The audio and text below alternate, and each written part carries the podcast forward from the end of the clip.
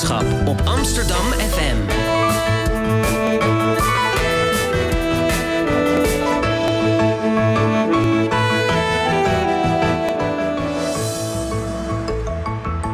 Radio Swammerdam.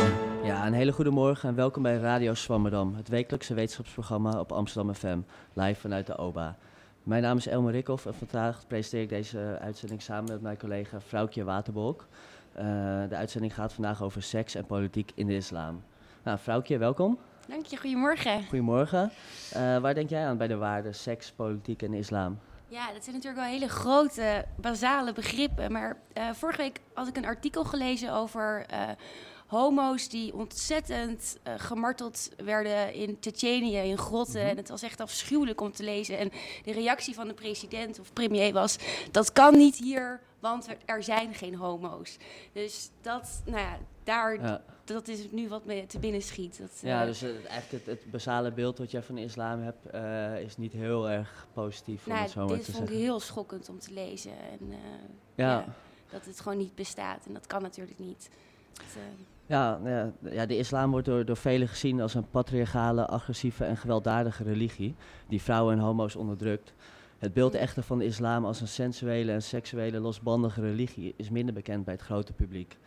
Het zal de meesten van u dan ook verbazen dat krap een eeuw geleden de islam juist bekend stond als een lakse en op seksueel gebied al te toegefelijke religie die partnerruil aanmoedigde en homofilie tolereerde. Nou, vandaag de gast in onze studio is professor en filosoof Michiel Lezenberg.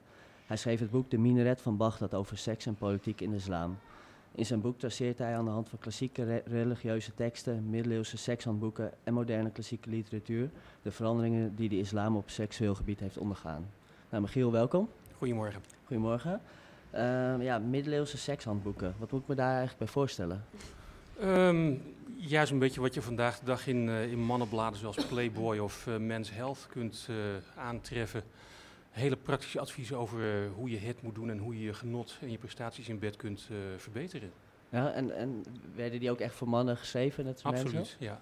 En mogelijk zelfs ten dele voor vrouwen, dat is wat minder duidelijk. Maar um, ja, er zijn diverse handboeken bewaard gebleven en we weten dat er nog veel meer zijn geweest. En dat ongeacht wat er van religieuze specialisten nou mocht of niet mocht, praktisch wordt verteld van hoe je je genot kunt vergroten en ja, er, er, worden ook sommige praktische adviezen gegeven die, uh, die niet zo heel gezond lijken, maar uh, ja. blijkbaar gelooft men dat dat uh, je prestaties in bed kon verbeteren. En die, die werden ook veelvuldig gelezen door, door gewone burgers? Of? Um, dat is natuurlijk heel moeilijk te zeggen. We weten dat maar een heel klein percentage van de, de mannen en vrouwen überhaupt kon lezen of schrijven. Dus dat zal sowieso voor een vrij beperkt publiek zijn geweest. Maar of er een cultuur bestond van het voorlezen of van meer laten we zeggen, mondelinge tradities over um, nou ja, alles waar de mannenbladen vandaag de dag ook over schrijven.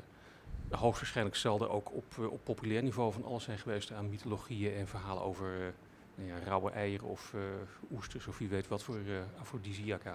Ja, nou, interessant. je, je, je beschrijft de klassieke islam als een seksueel losbandige en tolerante religie.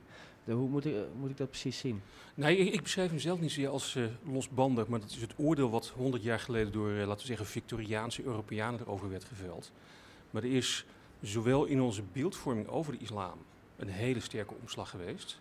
Nou, zoals jij ook net ja. zegt, uh, vandaag de dag is het idee, het is een heel repressieve religie die vrouwen onderdrukt, homo's van torens gooit of opsluit of foltert ontkent dat er ook überhaupt zoiets bestaat en alles. Mannencultuur, macho. Absoluut, ja. De islam van vandaag wordt echt Ja. als een mannelijke religie voorgesteld. Maar een, een eeuw geleden was het stereotype heel duidelijk. De islam is een sensuele, verwijfde, wufte religie die inderdaad het sensuele genot aanmoedigt. Terwijl een echte man juist zijn zintuigelijke genoegens uh, weet te beheersen. Maar was dat het beeld uit het Westen over de, het Oosten of ook het, wat het Oosten over zichzelf had? Um, nou ja, dat is het, het tweede punt. Um, het is niet alleen ons beeld over de islam dat veranderd is. En ook ons beeld over bijvoorbeeld het hindoeïsme of uh, laten we zeggen de Russen of wie weet wat. Maar ook in die samenlevingen zelf. En dit is een Ja. heel wijd patroon. Zie je vanaf de 19e eeuw een hele sterke verandering in seksuele moraal en seksuele identiteiten. Dus ja, dat geval Tsjetsjenië, dat is op het kruispunt van moderne islam en modern Rusland. Waar inderdaad nieuwe vormen van homofobie zijn ontstaan die echt aantoonbaar volstrekt nieuw zijn. Ja, dus die, die, die kwamen gewoon in de klassieke eh, islam niet, niet voor. Nee, uh, in tegendeel. En dit is iets wat relatief weinig Europeanen, maar ook relatief weinig moslims weten. Uh, er is een enorme traditie in de klassieke Perzische, Arabische en Turkse islamitische literaturen, waarin openlijk mannen over hun liefde voor jongens dichten. En eerbelang werd dat volstrekt normaal gevonden. En vandaag de dag zie je dat op, in al die landen die uit deze traditie zijn voortgekomen, dat er een beetje beschaamd over wordt gedaan en gedaan wordt alsof dat niet bestaat. Of ja, er wordt wel over een jongen geschreven, maar het is eigenlijk een meisje wat hier bezongen wordt. Dus er is echt een nieuw soort schaamte over deze klassieke tradities ontstaan. Over die tolerantie die er vroeger echt in alle bereiken heel duidelijk was. Nou, ja, heel erg interessant. Uh, je, je, boek gaat over seks en politiek uh, in de islam. Uh, van waar eigenlijk dit boek? Het heeft zich een beetje aan me opgedrongen. Um, ik was met allerlei andere onderzoekingen bezig. Maar als je in de islamitische wereld rondloopt of de islamitische wereld bestudeert, je komt vaak op dingen die een seksuele lading of betekenis hebben. En natuurlijk ook omgekeerd, de, de berichtgeving over islam en moslims in Nederland, die is zo verzadigd van seksualiteit. Neem het geval van die vermeende aanval door Marokkaanse jongeren op een, uh, een homostel in Arnhem dat hand in hand liep.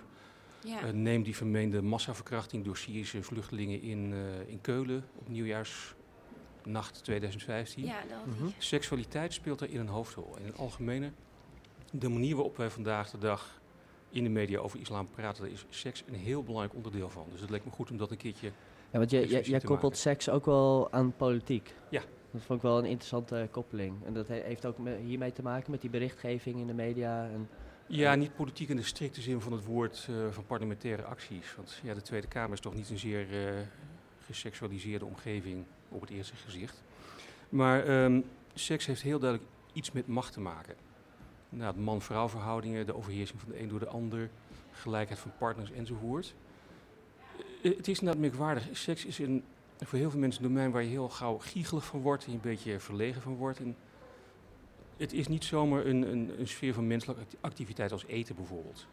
Dus dat, dat suggereert al, er is een aspect van macht of onbehagelijkheid bij. En dat geeft aan dat het een heel belangrijk domein is van waarop mensen dingen ervaren, zichzelf vormen en over anderen kunnen overheersen.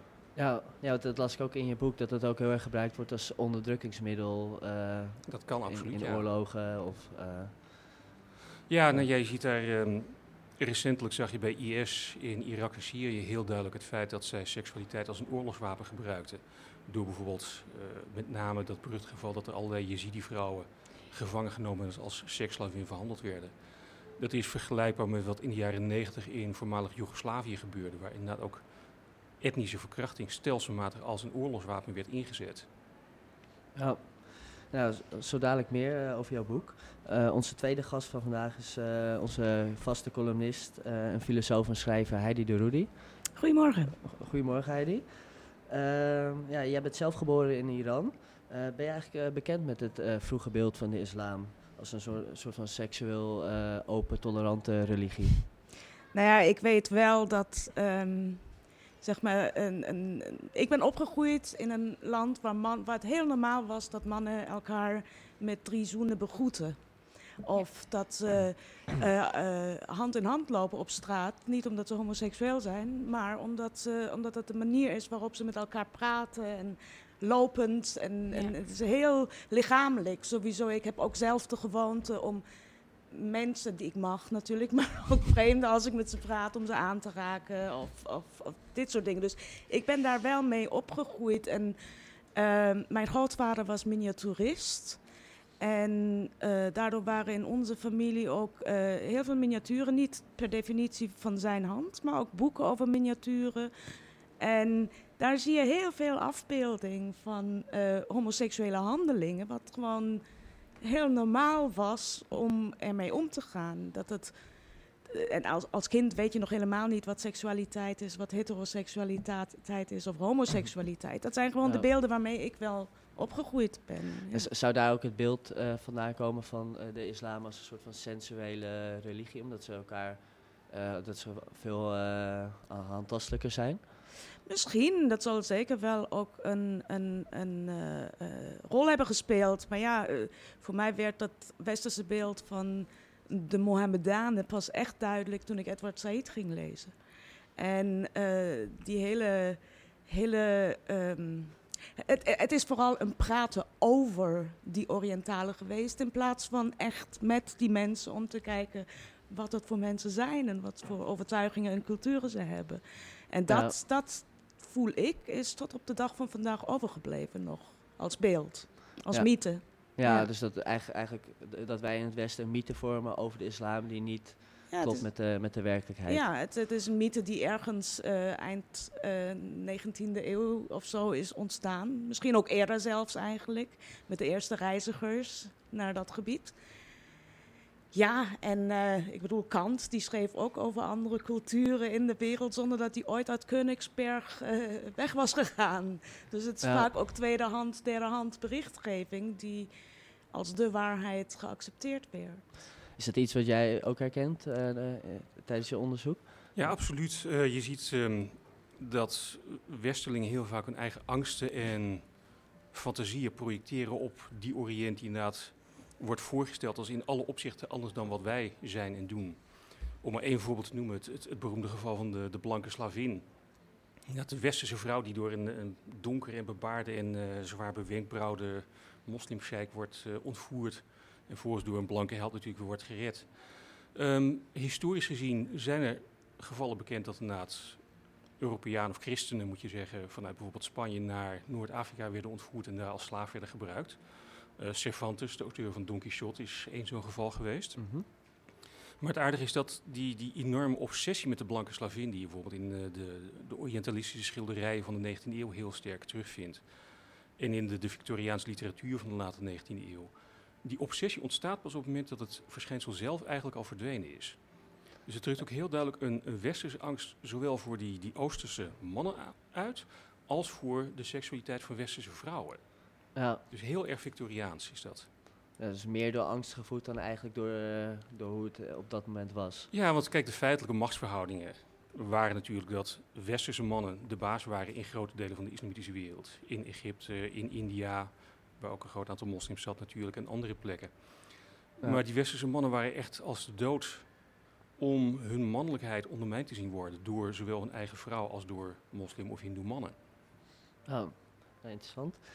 En dat uh, Duizend en één nacht vroeg ik me even af, want dat is natuurlijk ook een beeld dat we van het oosten hebben. Want uit welk jaar komt dat verhaal? Oh, dat, dat weet dat, niemand. Het, dat, nee, ja. het is over de eeuwen gevormd, maar... Hoe is dat is, ook een mythe? Dat is het laatste bij toch allemaal heel gretig. Ja, ja het is... Um, en het, wij lazen het doorgaans in sterk gekuiste versies, want de oorspronkelijke tekst is nog veel obscener op ja? punten dan, dan wij weten of denken. Ja, ik weet nog wel dat in de jaren zeventig uh, de Italiaanse regisseur Pasolini daar een verfilming van gemaakt heeft. En sommige mensen zaten te klagen van, ja, wat een seksgeobsedeerde figuur. Maar Pasolini heeft heel letterlijk de oorspronkelijke tekst van dit boek in vertaling overgenomen en letterlijk in zijn film gebruikt. En hij heeft ze nog ingehouden. Uh, Duizend één Nacht is heel duidelijk volksliteratuur, waarna het allerlei obscene verhalen met smaak verteld worden. Net zoals in de Decameron of in de, in de Canterbury Tales en dergelijke. Um, maar dat is in de, de 18e eeuw een Europese favoriet geworden, omdat het ook heel goed paste op de fantasieën die men toen al begon te ontwikkelen. Maar het heeft natuurlijk in de islamitische wereld een heel ander soort circulatie gehad. Het was een soort van volksverhaal wat op kermis en carnavals verteld werd. Um, en daar ook een beetje diende om de, de hoge heren van de, de machthebbers ja. en de, de schriftgeleerden een beetje belachelijk te maken. Dus het was echt volksvermaak. Een soort, ja. echt, echt een soort carnavaleske literatuur daar. Ja. Nou, we gaan nu even luisteren naar het nummer van Bebin van de Iraans-Nederlandse zangeres Sefda Liza. Ik hoop dat ik het goed uitspreek. Uh, dit nummer is geïnspireerd door Trumps immigration ban. Uh, en ze schreef dat nummer uh, in het Farsi en het betekent to look.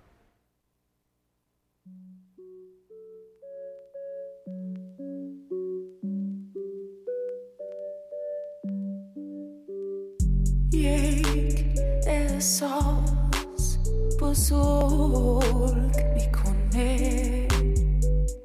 یک احساس کوچیک نگر میداره.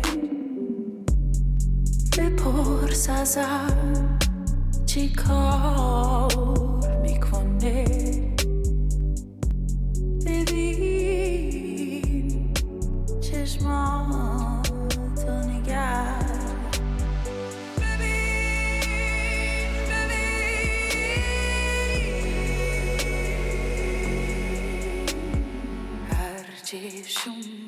شما بخوان عشق خودم. هرچی شما بخوان عشق خودم.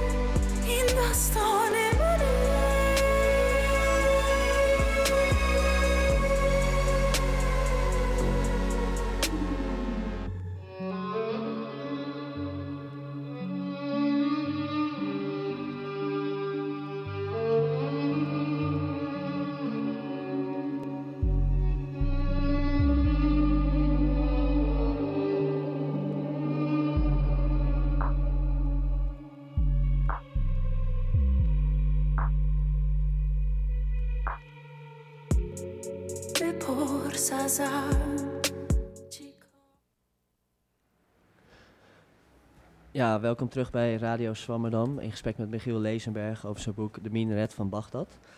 Eh, ja, Michiel, eh, je boek gaat over seks in de islam. Wat zegt de Koran eigenlijk over seks? Heel weinig.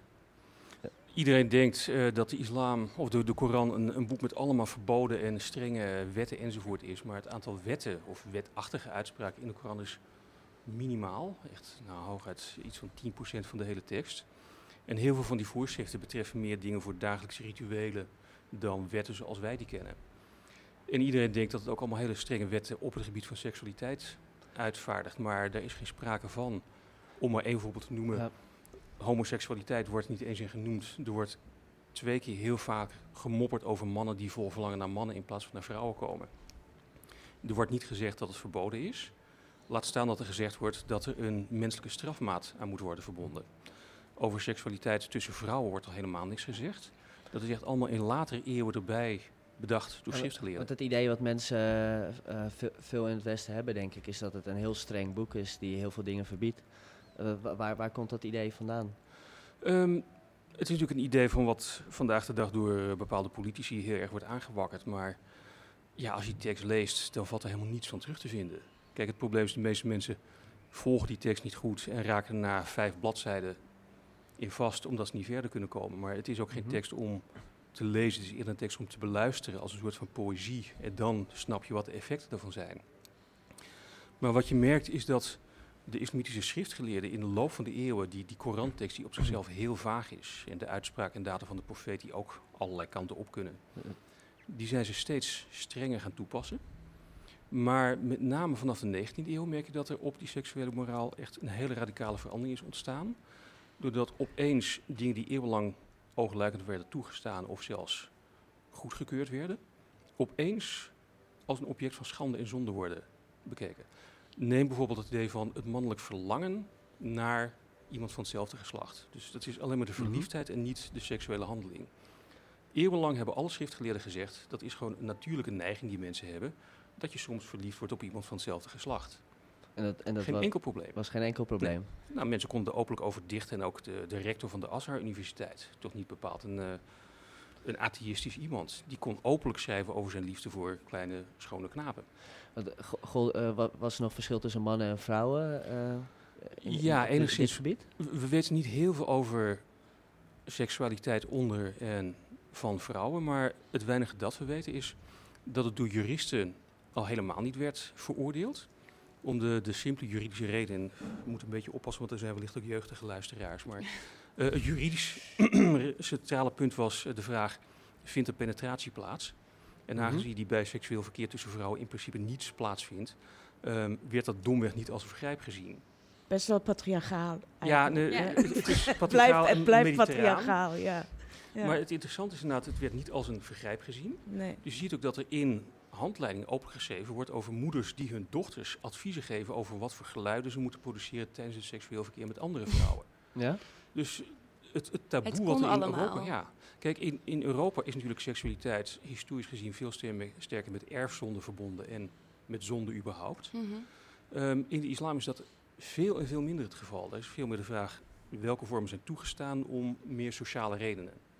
Maar het idee dat seks op zich met zonde verbonden is, is veel minder ontwikkeld. En het idee dat seks met genot verbonden is, dat is er eeuwenlang volkomen normaal gevonden. En het wordt nog steeds normaal gevonden. Overigens, over, over, over seksuele voorlichting eh, van vrouwen en hoe vrouwen over seks praten. Je hebt natuurlijk de hammams, de badhuizen.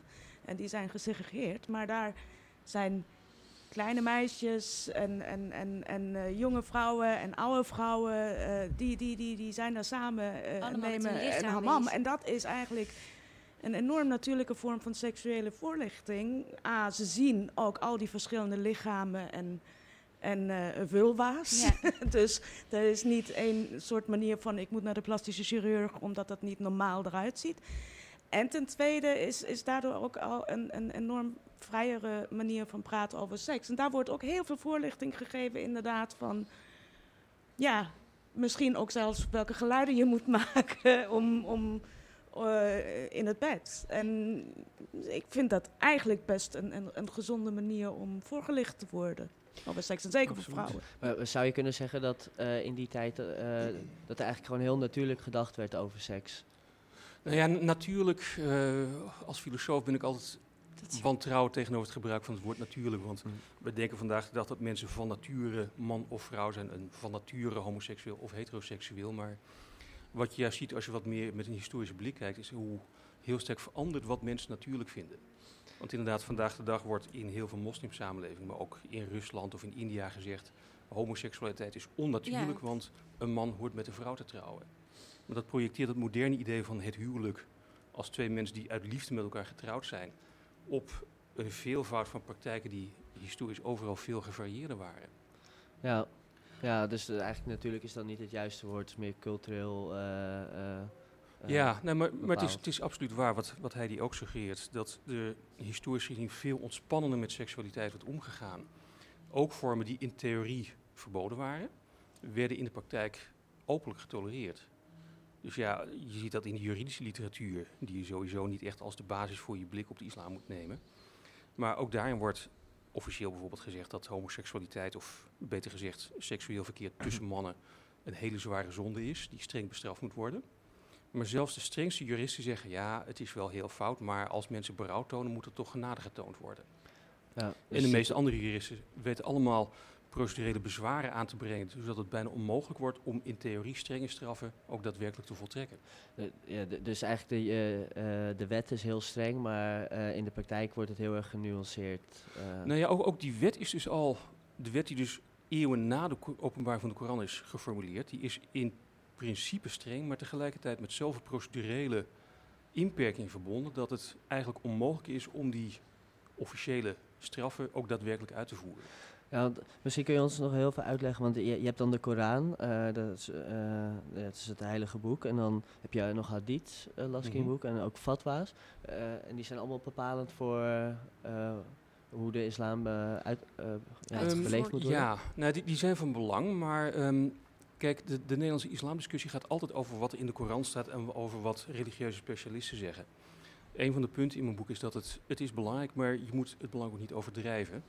Want de meeste mensen kwamen maar relatief zelden met juridische processen in aanraking. En opmerkelijk genoeg, wanneer dat gebeurde, en er zijn een paar historische studies van, wanneer mensen voor, voor bijvoorbeeld eh, echtbreken voor het gerecht werden gesleept, werd in de praktijk zo goed als nooit die strenge straf uitgevaardigd waarvan we denken dat is typisch islamitisch. Dus in de praktijk was die rechtspraak al heel anders dan er in theorie van gemaakt werd. En in het dagelijks leven van de meeste moslims tot op vandaag speelt dat islamitische recht een veel kleinere rol dan er in de islamdiscussies van gemaakt wordt. Dus vandaar dat ik ook naar medische literatuur, naar populaire literaire teksten enzovoort gekeken heb. Nou, het, eh, als je bijvoorbeeld de, de islam in die tijd eh, afzet tegenover het christendom. ehm, ja, hoe, hoe tolerant was dan de islam als je, als je, als je het afzet tegen de... Ehm, nou ja, kijk, in het christendom is natuurlijk door de kerk, en dat is een heel bijzonder instituut, het idee dat er één plek is waarin orthodoxie wordt vastgelegd en wordt bepaald hoe mensen moeten geloven, wat ze mogen geloven en ook wat ze mogen doen. Dat is eigenlijk bijna uniek in de hele wereld. Maar in de christelijke en specifiek de katholieke kerk werd een aantal hele specifieke regels over bijvoorbeeld nou ja, wat dan sodomie genoemd werd, oftewel seks tussen mannen. Maar ook bijvoorbeeld de, de toegestane posities die een man en vrouw die met elkaar getrouwd waren mochten beoefenen. Dus wat je in de, de traditionele katholieke kerk ziet, is een heel duidelijk omschrijving van wat mag en wat niet mag. En een heel sterke verbinding van seksualiteit met zonde.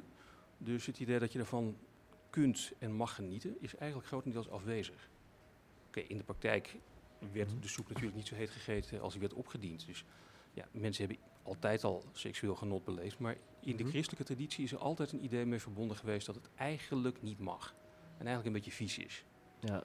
Terwijl in de islamitische traditie, en ook, dat valt ook wel in de Korantekst te vinden, wordt vrij openlijk gezegd dat seksueel genot tussen man en vrouw plezierig is en dat er ook niks mis mee is. Dus in de, de juridische, maar ook in de medische literatuur en de populaire literatuur wordt seks vooral als een bron van genot omschreven. En wordt ook omschreven hoe je dat genot kunt verhogen. Maar tegelijkertijd wordt seksualiteit ook overduidelijk als een vorm van, of als een bron van macht gezien en als zodanig gebruikt. Maar is wel eh, eh, dat, dat beeld van seks eh, als genot in de, in de Koran. Dat is wel een heel ander beeld dan dat eh, het Westen op dit moment heeft van, van de islam. Ja.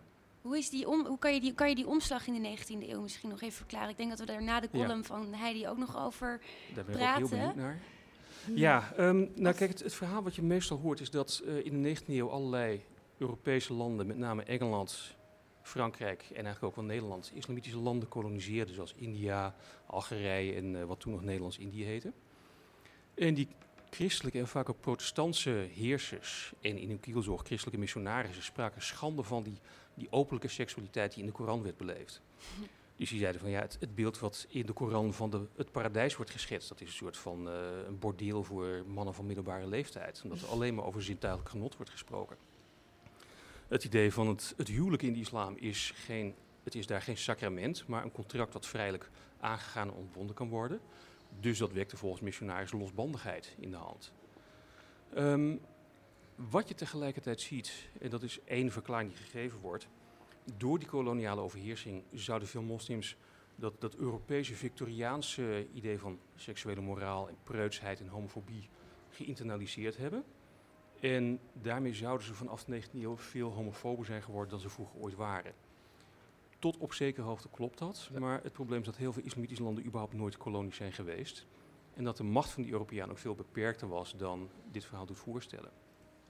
Dus wat ik in mijn boek suggereer is dat met name ook de ontwikkeling van modern nationalisme in de moderne nazistaat een hele belangrijke rol heeft gespeeld. Wereldwijd is in de 19e eeuw het idee dat het volk een natie en een staat moet vormen, een totaal nieuwe ontwikkeling. En er wordt altijd gedacht, het volk, dat wordt in culturele termen gedefinieerd van talen, en culturen enzovoort. Maar geslacht en seksualiteit spelen ook een hele belangrijke rol in. En, en op, op welke manier dan? Nou, wa- wat je bijvoorbeeld bij moderne nationalisme ziet, is dat juist door dat idee dat iedereen die bij een volk hoort onderdeel van de staat is, elke individuele man hoort als Nederlander of als Duitser of als onderdeel van zijn volk, hoort bereid te zijn om de reinheid en de zuiverheid van zijn vaderland te bewaren. Met andere woorden, elke man moet bereid zijn om zijn leven op te offeren, zo nodig, voor de reinheid van het vaderland. Daar wordt dus het Mhm. vaderland als een vrouw voorgesteld van wie de kuisheid of de, de, de zuiverheid moet worden beschermd. En de man heeft heel duidelijk de taak om bereid te zijn om daarvoor te sterven. Vrouwen hebben in het moderne nationalisme juist de taak om niet om te sterven, maar om nieuw leven te produceren. Dus om nieuwe kindertjes voor het vaderland te krijgen. Dus je ziet in de 19e eeuw met de opkomst van het moderne nationalisme het idee, man en vrouw horen bij elkaar, hebben hele duidelijke specifieke rollen voor het vaderland Mhm. en moeten ook die rollen als onderdeel van hun nationale eer handhaven. Dus opeens daarmee ook wordt homosociale liefde of contact tussen mannen onderling veel negatiever voorgesteld, omdat het gewoon niet in dat vaderland past. Het heeft Ja. geen nut. Ja. Ja. Ja, en, en dat, eh, dat zie je dan ook terug in de, in de islam. eh, Ja. Je ziet dus in, in islamitische literaire teksten van de late 19e eeuw, vroege 20e eeuw, opeens een soort omslag.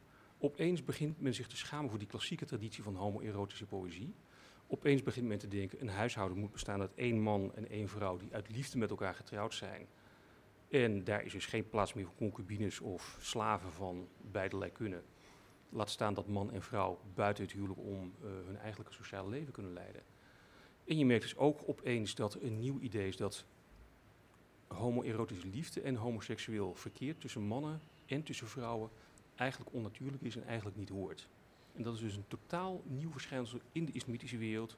Net zoals het een totaal nieuw verschijnsel in India, in China, in Rusland en in Afrika is. Ja, dan komen we eigenlijk weer terug op dat het een eh, cultureel eh, eh, verschijnsel is. Hoe je, En het is een modern verschijnsel. ja, Wij zijn geneigd te denken, de moderniteit wordt gekenmerkt door een toenemende tolerantie van homoseksualiteit. Maar het hele verschijnsel homoseksualiteit als iets wat je diep van binnen bent, dat is een totaal nieuw idee, wat in Europa in de jaren 70 van de 19e eeuw is geïntroduceerd. mhm. En wat dat moderne begrip van homoseksualiteit is wat momenteel in het geding is. En daar nemen mensen een positie tegenover die vaak buiten Europa heel afkeurend is, juist omdat het in Europa wordt goedgekeurd. Ja, ja ik, we gaan zo eh, luisteren naar eh, de column van Heidi. Ehm, ja, mag ik jou het woord geven? Ja. Ja, zo zijn ze nou eenmaal, die Orientalen, die Mohammedanen. Vaak heb ik mijn moeder dit horen zeggen toen ik opgroeide. Ook al was de betekenis van deze opmerking toen nog niet echt toegankelijk voor me, toch voelde ik dat deze kwalificatie iets heel specifieks zei over mijn vader en zijn afkomst. Iets dat niet helemaal positief was. Deze stereotyperende en dus reducerende uitspraken kwamen meestal na een van de vele ruzies die mijn ouders met elkaar hadden. En omdat mijn vader mijn vader was, moest dat Oriëntaal zijn ook iets met mij te maken hebben. Net zoals ik half Perzisch was, moest ik dus ook half Oriëntaal zijn. Dit vermoeden bevestigde zich snel nadat ik in Europa terechtkwam. Ik werd daadwerkelijk aangesproken als Oriëntaal, als een exotisch figuur, een Oriëntaalse vrouw, een Perzische kat. Een van de eerste confrontaties met het westerse beeld van de Oriëntalen was die ene gynaecoloog die mij mijn ontblote onderlichaam bekeek en zei: Wat zijn jullie Oriëntaalse vrouwen toch mooi? Net 16 was ik en ik wilde het liefst meteen uit die stoel springen en wegrennen. Ook waren er racistische grapjes die tot vervelens toe herhaald werden en waarop alleen de grappenmakers zelf kostelijk om konden lachen.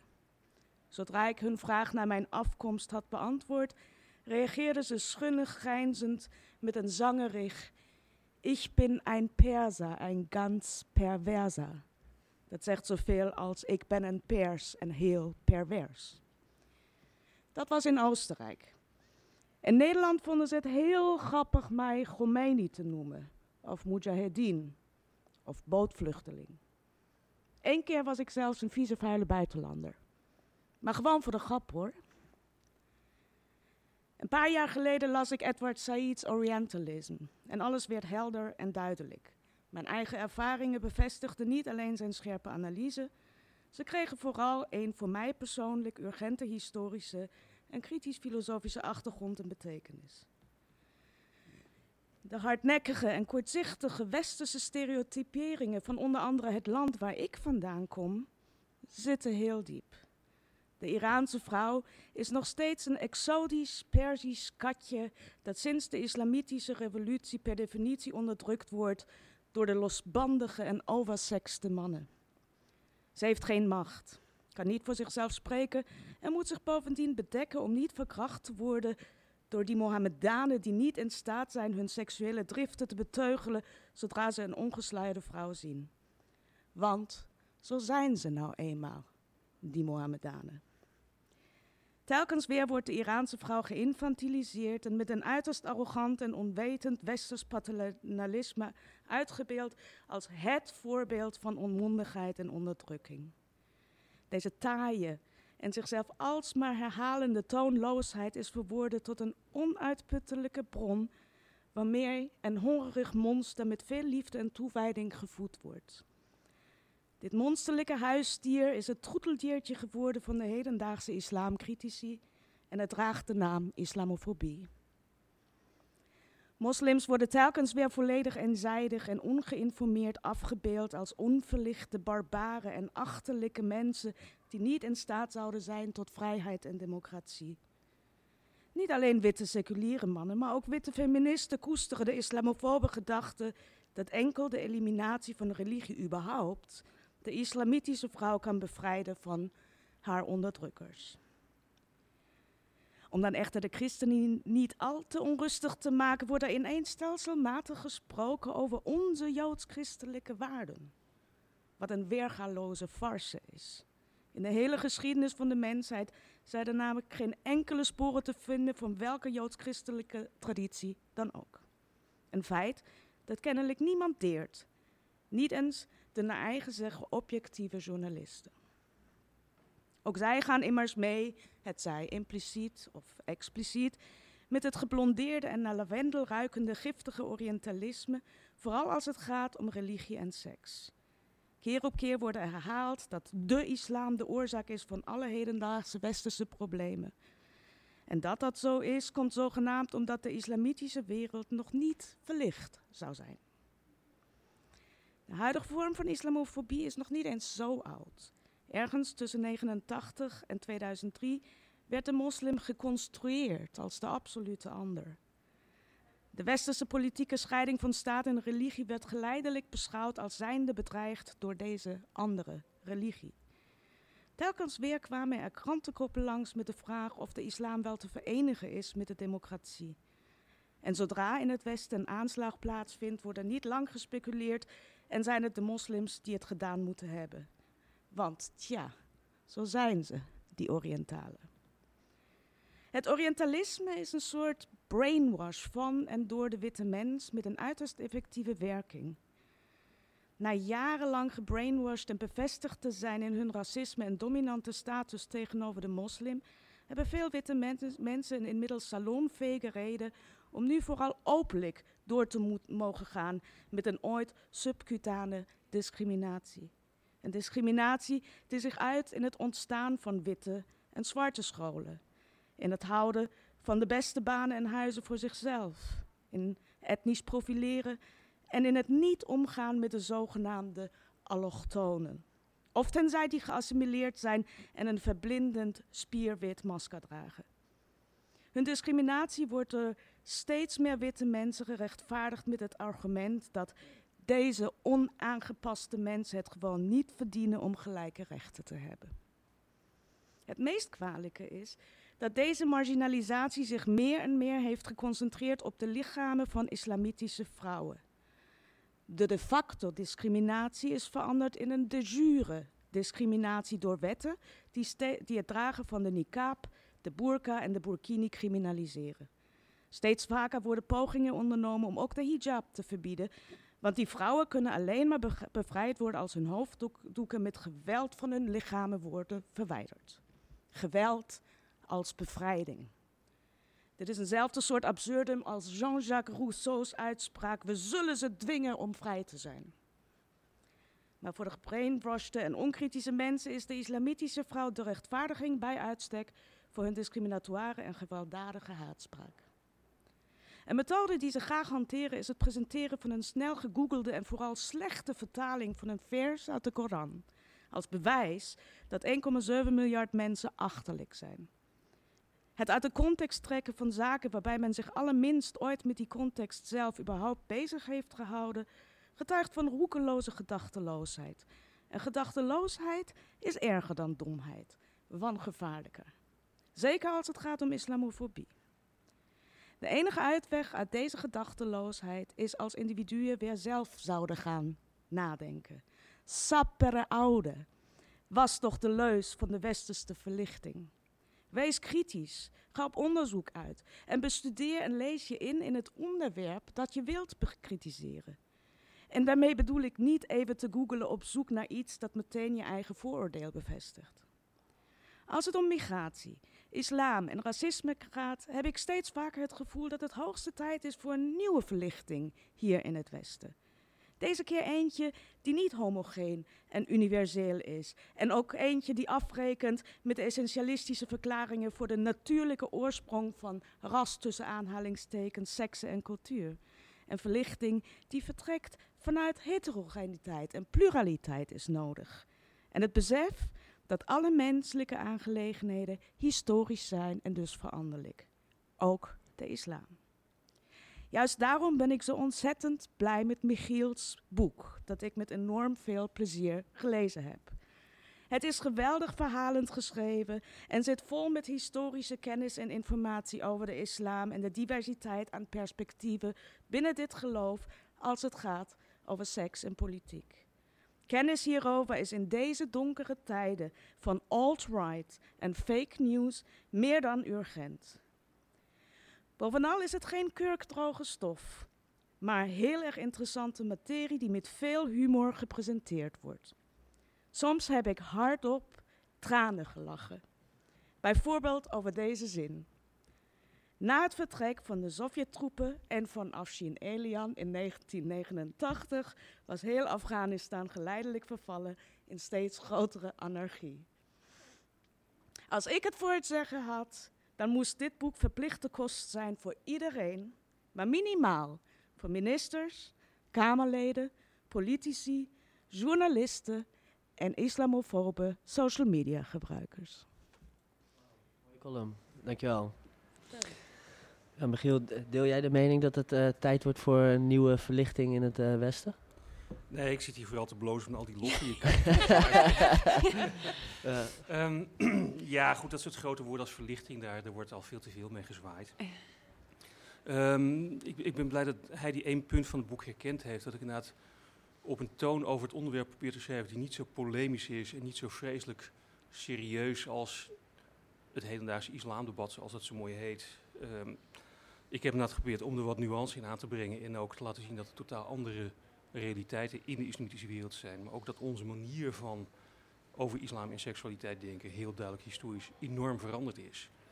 En eh, ja, als, als mensen dat inzicht krijgen, dan is dat volgens mij wel bevrijdend en ontspannend. Ja. Ik, ik heb bijvoorbeeld, om één geval te noemen, ik heb één islamofobe lezer van een interview over het boek in de krant eh, aan de lijn gehad. Of, daar heb ik een, een eh, soort haat-e-mailtje van gekregen van, oh ja, daar heb je weer zo'n islamapologeet. Eh, ik ben gewoon op die mail ingegaan en heb gezegd van ook, het lijkt alsof u een argument maakt, maar ik zie verder alleen maar persoonlijke opmerkingen. Maar wat was uw argument nou precies? Tot mijn grote verbazing mailde hij onmiddellijk terug en met een enorme beleefdheid van ik ben zo blij dat u überhaupt geantwoord heeft. En er heeft zich daar een hele constructieve discussie ontwikkeld. En ik denk dan dat het nuttig is om voor zover mogelijk te proberen voorbij te gaan aan die enorme polarisering die je vandaag ziet. mhm. En die enorme, ja, hoe moet je het noemen, oververhitte debatten waar mensen elkaar voor rotte vis zitten uit te maken. Het is een heel natuurlijk niet polemisch boek ge- geworden. En ik, ik probeer net ook een aantal persoonlijke herinneringen te beschrijven aan momenten dat ik op reis in de islamitische wereld seksualiteit zag of meemaakte. En wat je inderdaad in, in discussies ziet, ehm, op een iets meer relativerende toon te, be- te benaderen om te laten zien dat er ook echt andere manieren van denken mogelijk zijn. Ja, ja want het, het, het, het beeld eh, heerst tegenwoordig eh, dat het salafisme van de IS een soort van symbool staat voor de hele islam. Maar als ik jou, jouw boek eh, mag geloven, dan, dan zit er heel veel diversiteit in de islam. Ja, nee, kijk, salafisme dat wordt dan vaak als de, de meest orthodoxe of fundamentalistische islam gepresenteerd. En zo presenteert het zichzelf natuurlijk ook. Maar het is een vorm van religie die heel specifiek, in Nederland althans, heel specifiek eigenlijk alleen onder jongen van Marokkaanse afkomst wordt beleden. En onder bekeerlingen. Mhm. Onder bijvoorbeeld eh, de laatste weken veel gesmade Turkse Nederlanders heeft salafisme hoe, de, hoegenaamd geen aanhangers. Dus het wordt gezien als een specifiek Arabische variant van de islam. Mhm. En het is een hele nieuwe variant van de islam, in zoverre die in zijn hedendaagse verschijningsvorm alle details van het dagelijkse leven en van het, het bidden enzovoort probeert te beschrijven en voor te schrijven. Want het, het lijkt heel traditioneel. Het Ja. is dat beeld eh, eh, heb ik ook wel eigenlijk Ja. van het salafisme. Maar dat is het juist niet. Dus het, he- het opmerkelijke dat salafisme echt als een heel nadrukkelijk voorschrift voor alle kleine details van de vraag, nou ja, mag je tijdens de ramadan je tanden poetsen of niet? Want ja, dan kun je water inslikken. Eh, moet je tijdens het bidden je handen op je elleboog houden of iets te voorbij of iets ervoor? Van die hele kleine pietluttige details. Die zijn heel typisch voor de moderne wereld, waarin moslims zich steeds meer afvragen, doe ik het, het, wel, het überhaupt wel goed? Mhm. Met name in migratiecontext, maar ook in delen van de Arabische wereld. Waarin traditioneel religieus gezag verdwenen is. Waar mensen met name via het internet allerlei ideeën kunnen krijgen. Daarin wordt die vorm van islam aantrekkelijk. Maar ik, ik denk, het punt wat hij die ook noemde. Het cruciale jaar is hier 1989.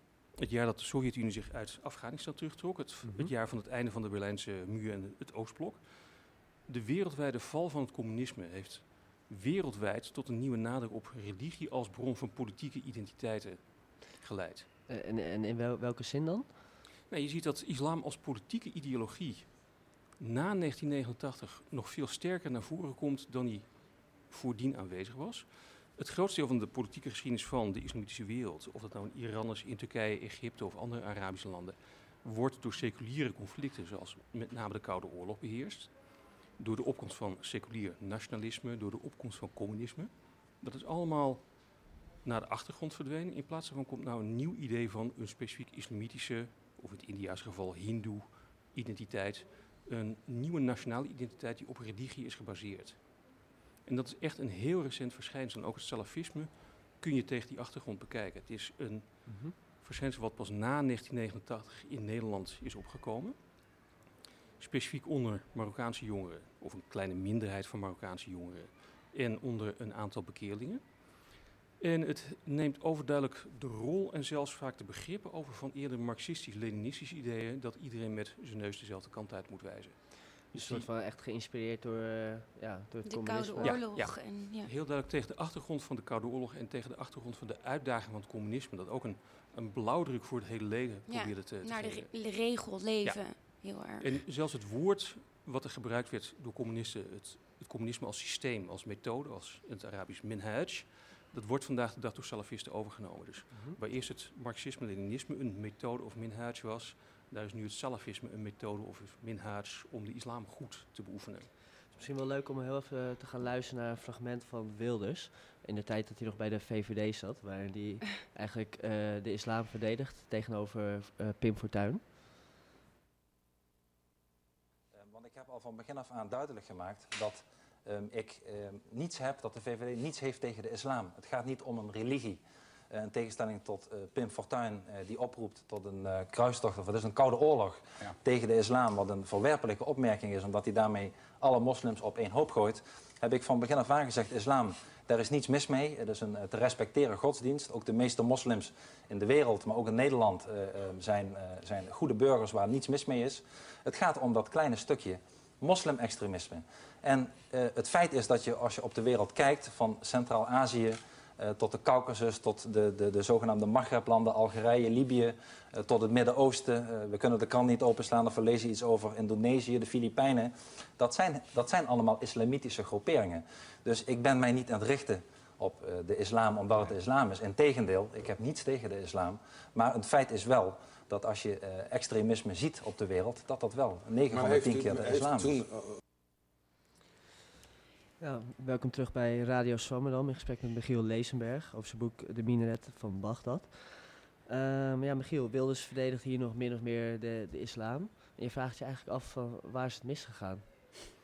Eh, staat waar hij, met staat hij symbool voor, vraag, voor de ja. misinterpretatie van het Westen? Ehm, nou goed, ik, ik, ik zal me verder niet over de biografie van de heer Wilders uitlaten. Maar je merkt dat hij heel duidelijk in het, het vacuüm is gesprongen. Wat, nou ja, aanvankelijk was Pim Fortuyn degene die op een hele extreme manier de islam als religie aanviel.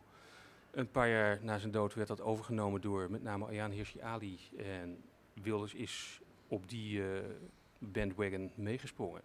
En heeft gezien dat hij daar veel meer stemmen en veel meer aandacht kon krijgen dan met andere zaken waar hij tot dan toe mee bezig was geweest. In de jaren 90 was Wilders vooral bezig met, met, met minderheden in Oost-Europa. Wat nou Ja. niet bepaald een sexy thema is vandaag de dag. Ja, want als, als ik bijvoorbeeld Wilders mag geloven en Paul Cliteur, dan zit er iets in de, in de islam, in de Koran, eh, eh, dat, dat leidt tot extremisme. Of, dat, dat er iets mis is met het wezen van de islam. Ja, goed, dat is zulke baarlijke nonsens dat het nauwelijks de moeite is om er uitgebreid op in te gaan. Maar ehm, in de Koran staat heel veel en dat kan je op alle kanten duiden. Er staat veel minder aan haatzijnde passages dan in het Oude Testament te vinden valt. En het idee dat de islam een wezen heeft, ja, waarom heeft het dan 14 uur eeuwen geduurd voor we het soort geweld tegenkomen dat we nu vandaag de dag door ISIS beoefend zien? Ja, ja dat zegt eigenlijk al eh, min of meer genoeg. Ja, want eh, Heidi, ik, ik heb jou ook wel eens, eh, ik heb wel eens wat gelezen van jou dat je, eh, dat er ook, voornamelijk een pa- patriarchale lezing is van de, van de Koran. Ja. Voornamelijk door mannelijke imams. Ja, het is en, en, en kijk, patriarchaat en eh, is historie, dat zijn mensen. En het is juist die overheersing en dominantie van mannen, die overigens overal in de wereld eh, aanwezig is nog steeds. Down with patriarchy.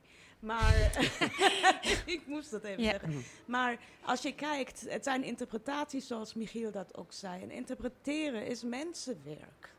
En dat is hermeneutiek, dan neem je altijd jezelf als interpretator in mee. En op een gegeven moment waren dat natuurlijk patriarchale mannen. En dat zie je, en je hebt nu in Iran en in het Midden-Oosten, maar ook in Indonesië, het zogenaamde islamitisch feministen. En die vrouwen zijn ook Korangeleerden. En ze nemen die interpretaties en die oude teksten en schillen. Amina Wadoud komt trouwens Mhm. volgende maand ook naar Amsterdam. Ze schilt gewoon eh, die, dat patriarchaat eraf, zo noemt ze dat. En dan kom je tot, tot een kern die geherinterpreteerd kan worden, maar dan deze keer vanuit de positie van de vrouw nu in, in, in islamitische landen. Dus eigenlijk simpel gezegd, eh, de Koran is eigenlijk heel, eh, eh, redelijk genuanceerd. En dat hele beeld dat er omheen is geschapen, dat is eigenlijk men- mensenwerk geweest. Nou ja, de Koran is denk ik net zoals een beetje toch het Oude Testament of de Torah. Die, die vertelt niet wat je moet doen. Die, die, die, die, die, die, die, die vertelt heel even maar heel kort wat je niet moet doen. En voor de rest Is, is dat een soort cultivering en uitzoeken. En een soort eh, je laten inspireren van wat de rechtvaardige manier van leven is. Dus als je dat zo ziet, en het, het, behoeft voortdurende interpretatie. Het is een soort filosofie, kan je zeggen. En, en wat in de islam ook met name belangrijk is, de islam heeft nooit een kerk gekend zoals het christendom. Dus als iemand jou zegt, de islam zegt dit of de islam zegt dat, dan kun je als individuele gelovige altijd de vraag stellen, ja, op grond waarvan beweerde dat? Op grond waarvan heb jij überhaupt dat religieuze gezag? Ja. En de, de, de beroemde islamitische schriftgeleerden, de ulama, die worden niet in de Koran genoemd. Die worden alleen maar in een paar tradities of hadith genoemd, die overduidelijk door schriftgeleerden zelf zijn opgesteld. Dus ja, hun gezag ontlenen ze alleen aan zichzelf. Niet aan de Koran of aan de openbaring. Dus daar valt voor individuele gelovigen of beleidende moslims. Die kunnen altijd zeggen, ja, dit is mijn individuele duiding van mijn geloof. Dit is mijn individuele relatie tot mijn schepper. En Ja. daar heeft niemand ook maar iets over te zeggen. Het is eigenlijk net als de media altijd zegt, de media bestaat niet. Zo, het is zo- altijd een interpretatie, denk ik. Nou ja, ik, ik denk dat het belangrijk is om in gedachten te houden dat de mogelijkheid voor elke individuele moslim om voor zichzelf het geloof te bepalen er zeker is. Ja. Ik ben nogal als slotvraag benieuwd naar de titel van het boek, De Minaret van Bagdad. Is zit daar nog een seksuele connotatie in? Hoe Ehm. kwam je op de titel? Dat, dat laat ik aan de perverse fantasieën van mijn lezers over. Oké. We horen de... Ja, ja ik eh, hoorde eindtune al, dus eh, ja, tijd is weer snel gegaan. We zijn weer aan het einde gekomen van eh, weer een aflevering van Radio Swammerdam over seks en politiek in de islam. Ik hoop dat u thuis een stuk wijzer bent geworden, ik in ieder geval wel. Mocht u vandaag nog geïnteresseerd zijn geraakt in seks en politiek in de islam, lees dan vooral het boek van Michiel, De Minaret van Bagdad. Of kijk er eens op de website van Heidi, www.deroedi.nl. Eh, ik dank u bij mijn collega, collega Vrouwtje en uiteraard de gasten van vandaag, Michiel Lezenberg en Heidi de Rudy. Eh, achter de knoppen stond vandaag Misha, jij ook bedankt. Eh, volgende week gaan Misha en Mirjam in gesprek met Lisette ten Haaf en Erika van der Zijpt over anticonceptie. Ehm, ja, wilt u ver- verder op de hoogte blijven van het laatste nieuws, volgt u ons dan op Twitter en Facebook. En de, de gehele uitzending is terug te beluisteren via onze website www.radioswammerdam.nl of via onze podcast, Soundcloud of Stitcher. Zoekt u dan op Radio Swammerdam. Nou, mijn naam is Elmer Rikhoff. Graag tot volgende week.